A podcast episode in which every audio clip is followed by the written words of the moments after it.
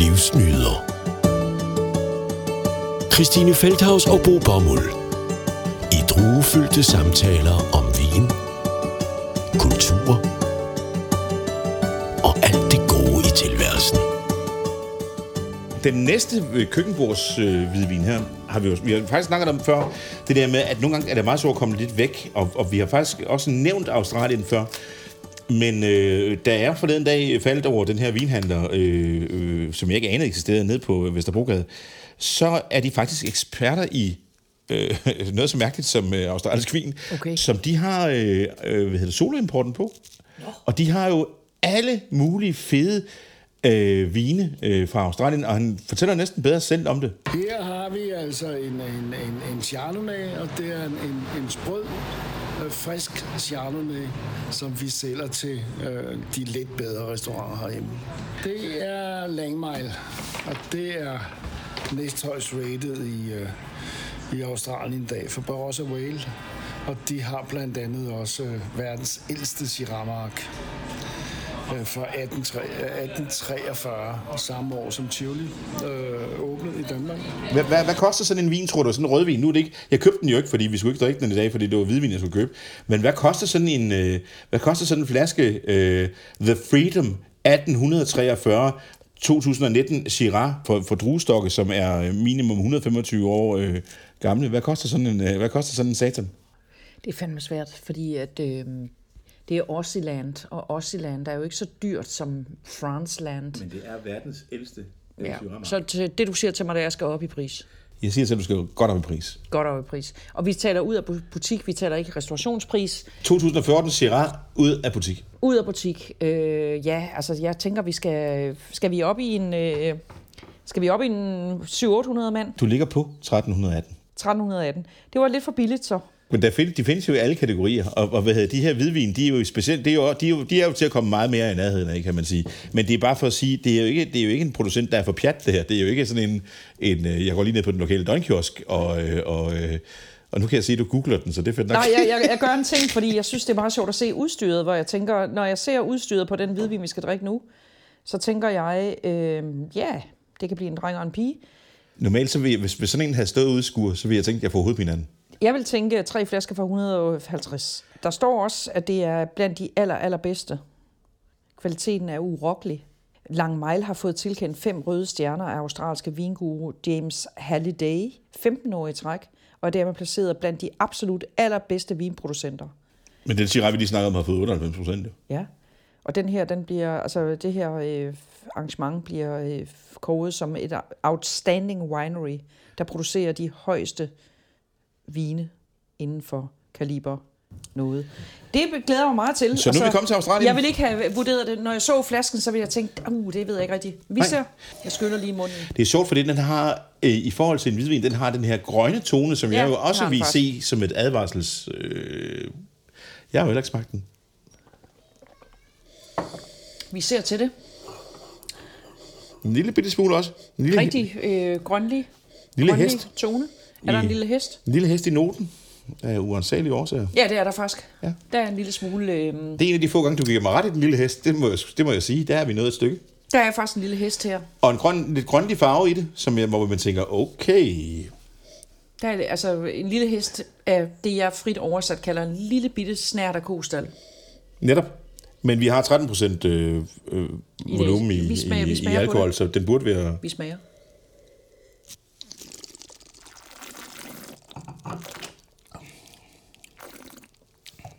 Jeg tænker crisp, altså i forståelsen øh, sprød. Jeg tænker øh, lidt grønt æble, uden på nogen måde bliver sødt. Øh, meget mineralsk, meget frisk, meget citrus. Ja. Det er i hvert fald også en terrassevin. Det er ikke nogen dårlig terrassevin. Det er en frisker. Den er meget over i citrusy.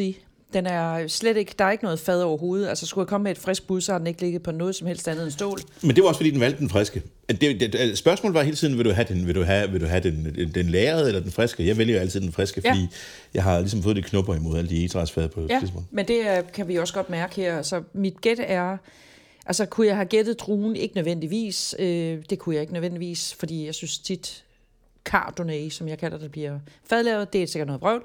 Men øh, øh, vi har en meget frisk citrusy vin her. Øh, klart stål. Øh, meget dejlig, livlig, øh, livlig, læskende, synes jeg også er et godt ord at bruge. Den, den er læskende, Meget, meget dejlig. fint ord. Ja. Øh, den er ikke så kompleks som den vin, vi drak fra USA, Nej. fra Lodi. Nej. Øh, den er meget mere let tilgængelig. Og hvad skal den koste, den der flaske? Øh, det er et meget fint eksemplar af en Chardonnay. Øh, jeg er jo meget, meget dårlig i Australien. Øh, jeg kan melde til basen, at jeg var ude i går og fik den nemmeste vinopgave i mit liv. Jeg var til en middag, hvor man serverede øh, en, et glas vin, og jeg havde den store oplevelse. Jeg gættede både årgangen, jeg gættede druen, og jeg gættede området. Og det, det var faktisk heller ikke så svært, fordi nu revealer jeg for dig, hvad det var, jeg gættede. Det var en øh, Sauvignon Blanc fra øh, Marlborough i New Zealand. Og hvis man ikke kan det, øh, det behøver man ikke at kunne, men hvis man går op i vin, så skal man, den skal bare sidde bang på ryggraden. Ja. Og det var en 219, og det var... Det er en kat øh, på en citronkage. det, det, var, det var fine sager, øh, hvis man kan lide det. For mig er det alt for blomsteragtigt. Der er for meget hyld i næsen. Jeg får en lille smule knopper. Og det er fordi, ligesom du siger, du har fået for meget rosé, så har jeg fået alt for meget Marlboro i en periode af mit liv, som gør, at jeg er færdig med det. En frisk og, og Meget ikke, ikke, ikke kompleks overhovedet. Dejlig. Øh, også Fin. øh, fin terrassevin. Jeg Øh, siger, øh, hvad skal jeg sige? Ja, hvad øh, hvad er prisen? Ja, jeg tænker, at... Øh, ja, hvad skal jeg sige om den? Den kan være på tilbud til... Um, Det var det så altså, ikke. nej, det var ikke på tilbud. Nej, du gav Ud af butikspris. Ud af butik, en og, og, flaske. og, det er den eneste butik, der sælger den i, resten sælger de til, og det passer den åbenbart meget godt til, for den passer til alt, øh, til restaurant. Ja, men jeg tænker, øh, ud af butik... Øh, jeg håber, jeg gætter rigtigt nu. 119,95.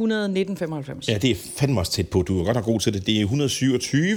Nå, men det er så Og så får du lige en knuckles der. Det var helt sindssygt. Det må jeg sige. Det er Måske fantastisk. skulle jeg blive du burde, ja, vinvaluar. blive vinimportør eller vinvaluar. Ja, det, så det, Jeg er god til Ud at smage priser. på folks kældre. Hvad har vi her? Ja, Nå, men øh, godt. Jamen, det var, det var det, jeg var. Ah, det var flot. Ej, hvor fedt. Ja. Nå, men, men det er jo... Øh, øh, den her øh, ting er jo sjovt, fordi at... Øh, hvad kan man sige om australsk vin? Hvad ved man også? Du har jo så fået en overdosis af australsk vin. Ej, New Zealandsk vin, vil jeg sige. ja, okay. Men du, er, du kender jo det der område. der. Jeg, jeg, jeg har ikke drukket ret meget australsk, også fordi jeg er ikke gået efter det. Så derfor synes jeg faktisk, det var ret sjovt at se den der hylde der. Og jeg kunne også godt føle mig tiltrukket af den, selvom den havde prisen, den der verdens ældste Chiramark. Altså, det vil jeg sgu da gerne prøve en dag. Det må vi prøve, det tager vi med Ja, det- en, vi en anden udsendelse. Vi tager til Aussie. Vi tager til Aussie. Øhm, den, den, det, det fortæller mig noget om et område, som jeg ikke kender så meget til, og det er jo det, øh, jeg tit også elsker det der med at, at få gåsehud af at opleve noget, som ligger nede under noget andet. Det er jo selv, altså øh, med de her mærkelige spøgelsesbøger, jeg har skrevet igennem tiderne, der er også sådan noget med, så siger folk til mig, jamen tror du på spøgelser, eller er du krystalhealer, eller hvad er du? Jeg er ikke en skid, jeg tror bare på den gode historie. Og sådan har øh, øh, forfatteren Graham Hancock det også. Man kan kalde ham en pseudoarkeolog eller en pseudoscientist. Men han skriver de her mega fede bøger. Han er faktisk øh, Erik von Däniken, hvis der er nogen øh, blandt lytterne, der kan, der kan huske ham. Han eksisterer jo faktisk stadigvæk og op, optræder en gang imellem på de her satellitkanaler, hvor han øh, fortæller om øh, udenjordiske, der kom til, øh, til, til, til jorden og let folk alt. Så er han, øh, der er Graham Hancock, han er lige en anden kategori, fordi han tager sig noget mere videnskabeligt funderet. Han færdes inden for de her videnskabelige kredse, og det kan man også godt mærke. Men han laver nogle pissefede bøger, og den nye bog, han har lavet her, handler simpelthen om, øh, om at, at man tror, at, øh, at øh, folk er, øh, er indvandret i USA via Beringstrædet for en 13.000 års tid siden. Øh, og så er de i løbet af 2.000 år, så er de nået ned til sydspidsen af Sydamerika, øh, cirka over 11.000, og så er istiden så kommet ligesom på en eller anden måde og afskåret dem fra resten af verden. Jeg retter lige over 1100. Var det over 1100? Er det ikke 11.000, vel? Jo. Altså, Før. Da, da, 11.000. Christ. Det- Before Undskyld. Christ. Men, der, men, men, men, men det, det, det, det, det, men det er sjovt, du siger det, for det her, det er nemlig argumentet i en nødskal. Fordi, hvad hedder det, øh, øh, det der så, det her bog, den her lydbog beskæftiger sig nemlig med, øh, at det, det, det, er en, det, er en, det er en fejltolkning, fordi man har bare øh, blandt øh, arkeologer og alle mulige andre steder haft den der idé om, Jamen, det kan jo ikke være, der kan jo ikke have været mennesker her før. Altså, det er jo helt fuldstændig vanvittigt. Men det viser sig, at når man går alle de her findings igennem, og også de, de ting, man finder nu, man ser jo faktisk nyheder om det næsten hver dag på mange forskellige medier, både de mere suspekte øh, medier og de mindre suspekte medier, så er der måske, så har det måske været mennesker i Amerika, øh, som har levet på en forholdsvis civiliseret fasong i 50.000 år, op til 130.000 år. Og det er jo det, der gør hans historie fantastisk. Ikke som teori, men fordi han indblander hele den her øh, arkeologi, og han er ude at tale med forskere. Jeg har jo sådan, at, at jeg synes, det er kedeligt at læse en bog, som bare er det samme hele vejen igennem. Hans bog, også lydbogen nu, kan man sige, øh, det, er, det er nogle gange, så er det, så er det, så er det, så er det, så er det samtaler, der er skrevet ud, som, som, er, som er vildt fedt indimellem alt det her med påstanden og alle regnestykkerne og alt det andet. Og det er det, der gør øh, Graham Hancock til øh, en sjov forfatter at læse, hvis man har det der gen, hvor man tænker, hvad nu hvis? Altså, hvis man nu ikke gider æde det der. Jeg vil sige, at imellem, øh, imellem almindelig videnskab og, og pseudoscience, der jeg synes han ligger lige i midten, fordi han, han appellerer ikke til Han har også skrevet bøger om den hellige gral, og han har skrevet bøger om alle mulige andre ting. Jeg har jo mødt mange af de her forfattere. Jeg arbejder jo selv i det her øh, øh, forum imellem øh, det ene og det andet. Men der er han meget mere videnskabsmand, end så mange andre af de her gutter er. Og det er jo det, der gør det sjovt. Det er også derfor, det fylder helt vildt. Altså, den her øh, lydbog, øh, øh, som vi har her, den fylder mange, mange timer. Man skal virkelig have interesse for at læse den. Man kan så heldigvis bladre i den og trykke 15 sekunder frem en gang imellem, hvis der er noget om øh, azteker-indianer, man sy- ikke synes er helt vildt interessant. Fordi han går virkelig i dybden, og i dybden, og i dybden, og i dybden, og i dybden. Han vil så gerne, og det er det, der gør Graham Hancock til, til en fed øh, forfatter i mine øjne han, han, han er sgu ikke bange for at træde ud og så sige, ved, ved, jeg opererer uden for jeres felt, men jeg vil gerne hjælpe jer med at, at kæde de her øh, idéer sammen, øh, som er sådan nogle pseudoscience-idéer med. Hvornår var der egentlig folk i, i USA? Øh, hvornår blev det befolket? Hvad var det for en kultur? Og hvorfor blev den til? Så derfor kan jeg kun anbefale det, hvis man har de her timer, der nu skal til, øh, og lytte til den her lydbog, eller øh, hvad hedder det, øh, læse bogen. Og, og det, er en, det, er, det er en mobbedreng, men, øh, men det er, den, den er værd at, at gå i kast med. America Before, og det er en mobbedreng, for den, øh, som, som, som øh, lydbog, der fylder den jo over 16 timer. Jamen Men så altså- har man noget at køre på arbejde på, samtidig med, at man øh, tænker over, hvem der nu egentlig kunne have befolket øh, det amerikanske kontinent, hvor de kom fra, og hvad deres kultur egentlig var. Fordi det går han også i dybden med, det er pisse interessant. Øh, og på samme måde, at den her, jeg synes, det er meget, meget sjovt at høre, at den verdens ældste Shiraz-mark ligger i, øh, i, øh, i Australien. Og så har vi den her, det er så en hvidvins ekvivalent, men det var fordi, vi skulle drikke hvidvin i dag. Det synes jeg, vi skal skåle for. Ja, du er en gudsbenået nørd. Tak, og i lige måde. Det, der er meget interessant med det, du siger nu, det er, at jeg har rejst i Iran, og det har jeg ikke gjort for sidste gang, men nu er der lidt buller med sagerne, men, øh, men Shiraz er jo en by i Iran. Så Shiraz kommer fra Shiraz i Iran. Og nu siger du den verdens ældste Shiraz-mark i Australien, hvor jeg tænker, jeg var der øh, for to år siden. Øh, Nå, trods alt så tæt på. Ja, ja, jeg landede i Teheran, og så tog vi til... Øh, Nå, med tv? Ja, jeg lavede et program, øh, som hedder Feldhaus Petersen sætter pris på.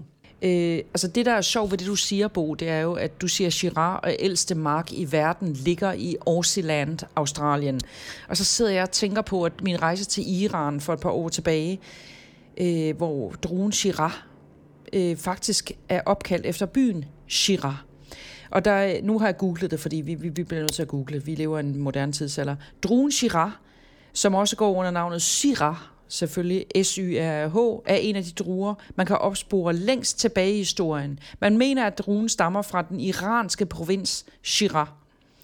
Korstogsriderne tog den med på deres togter, og på den måde øh, så landet blandt andet Rhone-distriktet, hvorfra den så er blevet spredt ud over hele verden. Ja, det er en del så, ligesom den så, hellige gral. Så det er meget sjovt. Så er det taget Shiraz, til Sydfrankrig. Shiraz var kendt som arbejdsdruen i Australien hvor den blev indført i allerførste kolonidage. Mellem 1. og 2. verdenskrig og manglede man hvidvin, så måtte Shiraz-druen lægge saft til de hvide druer. Livsnyder